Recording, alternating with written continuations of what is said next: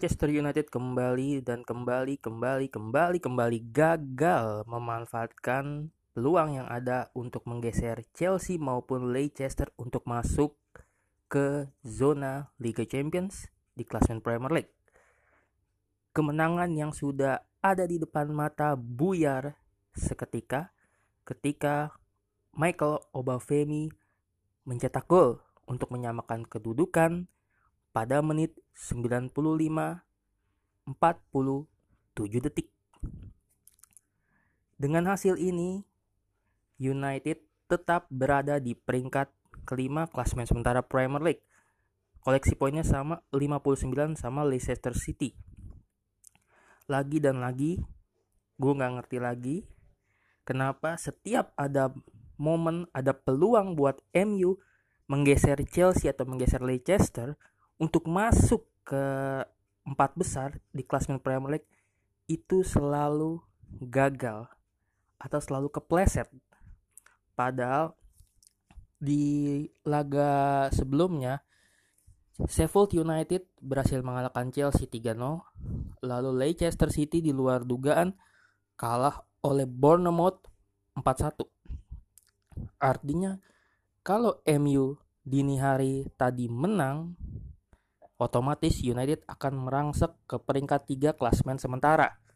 Gue nggak ngerti lagi apakah ada beban di pemain karena United adalah match trial Premier League di pekan ini yang main. Gue nggak ngerti mungkin mereka ada beban tersendiri. Gue juga tapi permainan Soton itu benar-benar bagus ya menurut gue pribadi yang nonton. Mereka berani ngepres pertahanan MU kalau nonton United ketinggalan lebih dulu di pertandingan ini lewat golnya Armstrong di menit 12. Gol ini berawal dari kesalahan Paul Pogba ya. Paul Pogba yang kehilangan bola di depan garis pertahanan United. 50-50 sih bisa salahnya Pogba, bisa salahnya De Gea juga karena karena gue sendiri nggak di lapangan dan De Gea yang melihat langsung pertandingan ada di pertandingan tersebut dia pasti ngelihat kalau sebenarnya Pogba posisinya rawan kalau dioper passing ke dia bola. Karena saat itu posisi Pogba dikerubutin oleh pemain Soton. Di jadi ya gue nggak ngerti kenapa De Gea passing ke Pogba dan Pogba pun kayak gelagapan megang bolanya. Nah ketika akhirnya bolanya lepas direbut pemain Soton dan diumpan dan gol itu di, terjadi di menit ke-12 oleh Armstrong. Nggak lama sebenarnya sebelum gol Soton terjadi itu, Martial sempat dapat peluang memanfaatkan lini kesalahan lini belakangnya Soton. Sebenarnya Martial itu punya peluang apa satu lawan satu sama kiper Soton dan sayang bola itu berhasil diantisipasi oleh kiper Soton mungkin kalau Martial lebih tenang atau bolanya di chip mungkin lain cerita ya. Mungkin United bisa unggul duluan satu no tapi yang terjadi United tertinggal lebih dulu. Tapi yang cukup gue salut adalah respon dari United. Anak-anak United ini cukup tenang untuk merespon ketika mereka ketinggalan. Ini momennya persis kayak pas lawan Bournemouth ya. Kalau nggak salah ya lawan Bournemouth United kan ketinggalan lebih dulu tuh. Jadi kalau kali ini kembali ketinggalan lebih dulu dan sama-sama di Old Trafford. Di menit ke-20 berawal dari passing Pogba ke Martial ke dalam kotak penalti yang itu Martial itu menjadi gol penyama kedudukan buat United dan dicetak oleh Rashford. Jadi Martial yang terima passing dari Pogba berhasil menguasain bola meskipun dia sempat jatuh tapi dia berhasil ngedorong bola untuk ngasih umpan pendek ke Rashford diselesaikan lewat kaki kirinya Marcus, Rashford skor satu sama. Dan nggak lama setelah itu tepat di menit ke-23 Anthony Martial berhasil menebus kegagalannya saat dapat peluang di menit ke-9 atau 10 tadi yang gue bilang cerita di awal. Dia mencetak gol untuk membalikan kedudukan menjadi 2-1 ini sebuah counter attack yang luar biasa dari United berawal dari bola Pogba yang dipassing ke Bruno lalu Bruno umpan ke Martial dan Martial yang masuk ke kotak meringsek kotak penalti.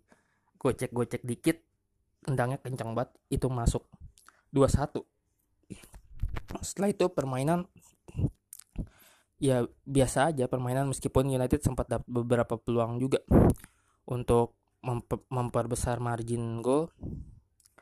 Dan gue pengen ngomong soal akhirnya bobroknya United itu kelihatan ketika Bruno Fernandes nggak perform nggak penampilan Bruno Fernandes malam itu biasa aja nggak seperti biasanya justru Pogba yang agak kelihatan meskipun nggak sebagus Bruno di sebelum-sebelum pertandingan ya.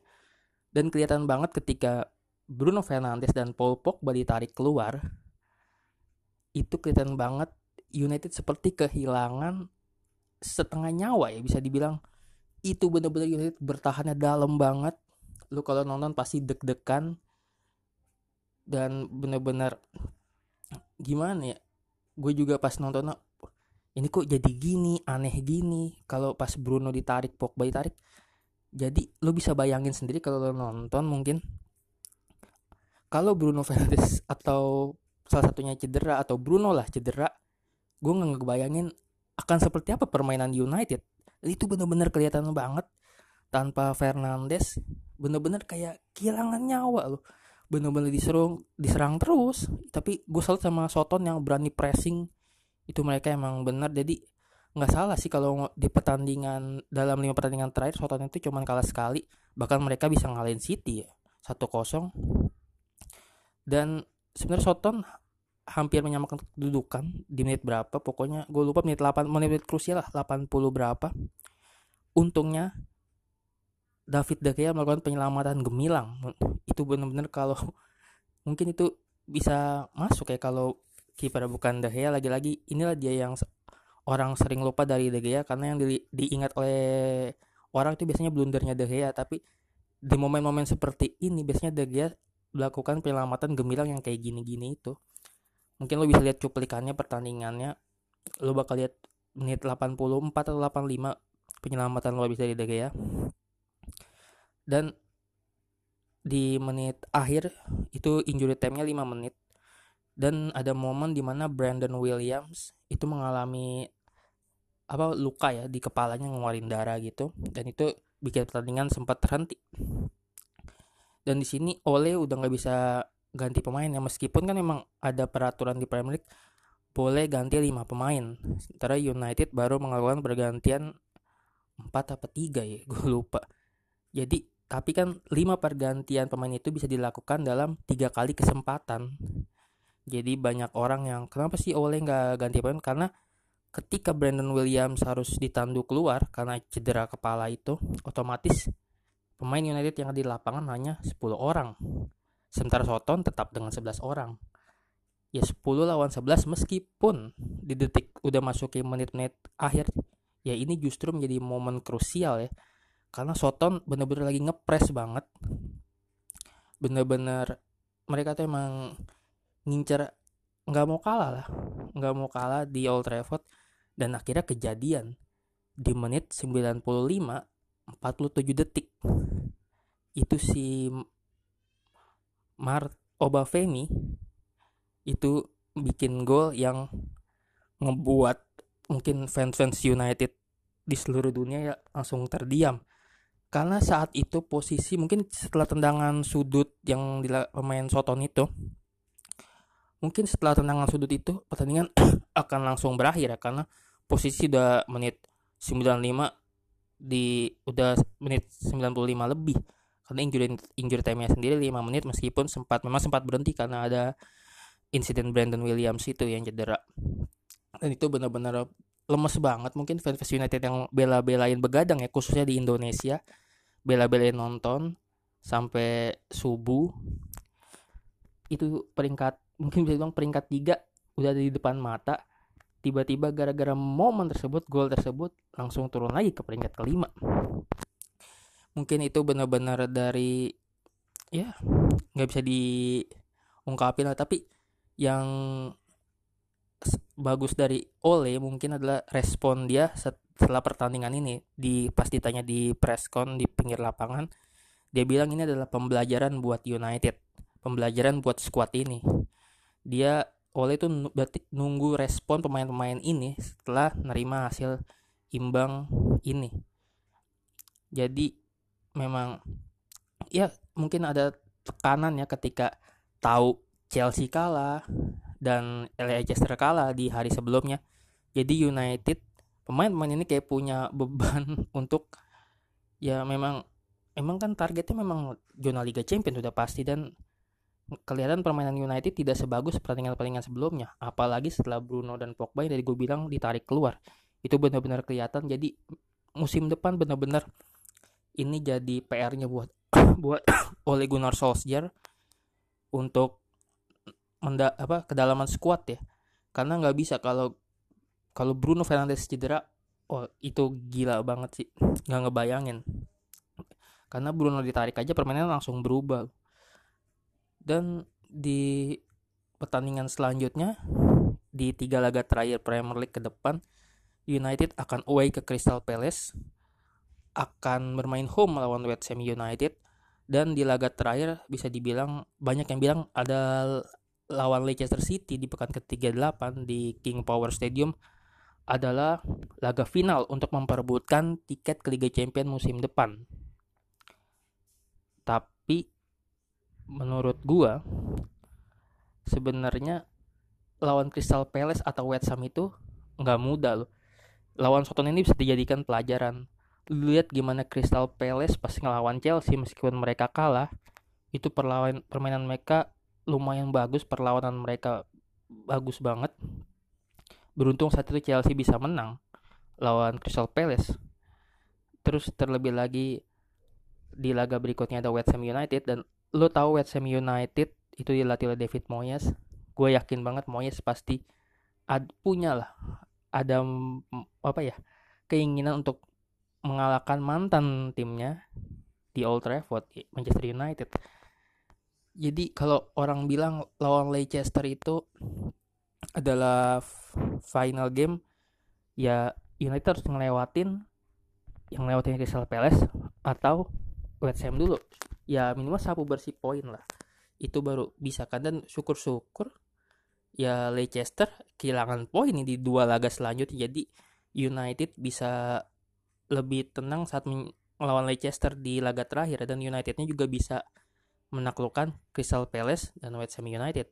Gue berharap pasti skenario terbaiknya seperti itu. Meskipun di Chelsea pun di sayang saat ini di peringkat ketiga itu jadwal di tiga laga terakhir cukup berat bahkan di pekan ketiga tujuh mereka bakal main di Anfield markasnya Liverpool.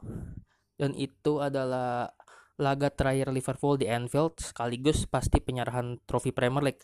Dan gue yakin Liverpool pasti nggak mau kalah di laga itu apalagi itu adalah laga pamungkas di Anfield. Dan rekor Liverpool di dalam dua musim dua tahun atau dua musim terakhir di nggak pernah kalah di Anfield pasti akan pengen buat mereka jaga ya. Jadi ya berharap Chelsea sama Leicester bisa kepleset di dua laga ke depan sementara MU bisa meraup poin di dua laga sebelum menjamu Leicester City. Dan tapi baik kayak gue bilang, Crystal Palace dan West Ham itu gak mudah buat ditaklukkan. Ya lu lihat sendiri gimana MU respon lawan Southampton kemarin karena emang Southampton mainnya juga bagus banget. Dan balik lagi ini adalah Premier League. Mungkin lu masih inget MU bisa ngalahin Bournemouth dengan skor cukup telak 5-2 ya kan? Skor 5-2 tetapi di laga kemarin Bournemouth di luar dugaan bisa menaklukkan Leicester City 4-1 dan inilah uniknya Premier League. Bournemouth sendiri masih ada di zona degradasi dan tentunya mereka ingin menyelamatkan diri dari jeratan zona degradasi. Ya kan? Itulah dia inilah apa ya yang nggak bisa ditebak dari Premier League selalu ada kejutan-kejutan yang menarik.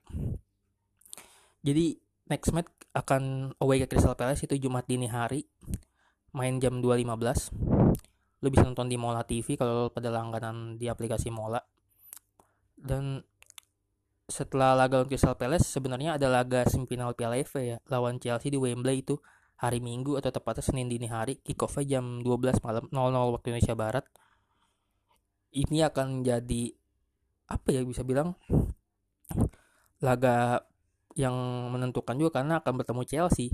Saingan utama saingan utama rival utama di perebutan zona Liga Champions di Premier League. Jadi permainan mental akan ditunjukkan nanti di Wembley. Lalu mungkin ini yang menjadi apa ya hasil imbang kemarin lawan Soton adalah starting eleven United yang nggak pernah ganti ya nggak per, pokoknya starting eleven itu sama dalam 4 atau tiga pertandingan terakhir. Itu itu itu aja. Jadi ketika Bruno dan Pogba ditarik gue pun sadar kalau Ole pun nggak berani ngerotasi pemain. Karena dia tahu kedalaman skuadnya tuh ya segini. Jadi ya starting eleven yang dipasang di awal pasti ya starting yang kemarin-kemarin itu. Dan emang kelihatan banget jomplangnya ketika Bruno sama Pogba ditarik itu benar-benar kelihatan banget. Memang jadi ini jadi PR-nya oleh PR-nya manajemen untuk bergerak di bursa transfer musim depan. Karena kalau musim depan ingin mudah-mudahan sih masuk Liga Champion pasti berharap kita masuk Liga Champion apalagi masih ada Liga Eropa bulan Agustus. Ya squad harus lebih dalam lagi lebih banyak ini yang harus dibangun terutama. Dan gue nggak ngerti nggak ngerti lagi kenapa Harry Maguire penampilannya makin ke sini makin menurunan ya setelah apa pandemik setelah berhenti Liga Inggris setelah berhenti penampilan Maguire tidak seperti ini tidak seperti sebelum ini ya sebelum diberhentikan. Jadi well balik lagi ini tiga laga tersisa bakal seru perebutan zona Liga Champions apalagi kemarin Manchester City bandingnya diterima oleh CAS jadi mereka tetap akan berlaga di Liga Champions musim depan. Jadi peringkat 5 tidak ada tiket giveaway. Yang tersisa hanya peringkat 3 dan peringkat 4 di klasemen akhir untuk masuk ke Liga Champions musim depan. Peringkat satu sudah pasti didapat oleh Liverpool peringkat 2 oleh Manchester City. Jadi ini perebutan peringkat 3 dan peringkat 4 bakal makin seru antara ya pasti tiga besar lah yang udah otomatis yang bakal seru banget itu Chelsea, Leicester dan United. Meskipun ada Wolves, ada Sheffield United yang mungkin bisa bikin kejutan di akhir-akhir nanti. Dan mereka pasti tetap meskipun targetnya bukan Liga Champions tapi pasti mereka pengen masuk zona Eropa, setidaknya Europa League. Ya, itu aja lah. Sekian dari gua. Nikmatilah ini semua ya pokoknya gagal maning gagal maning.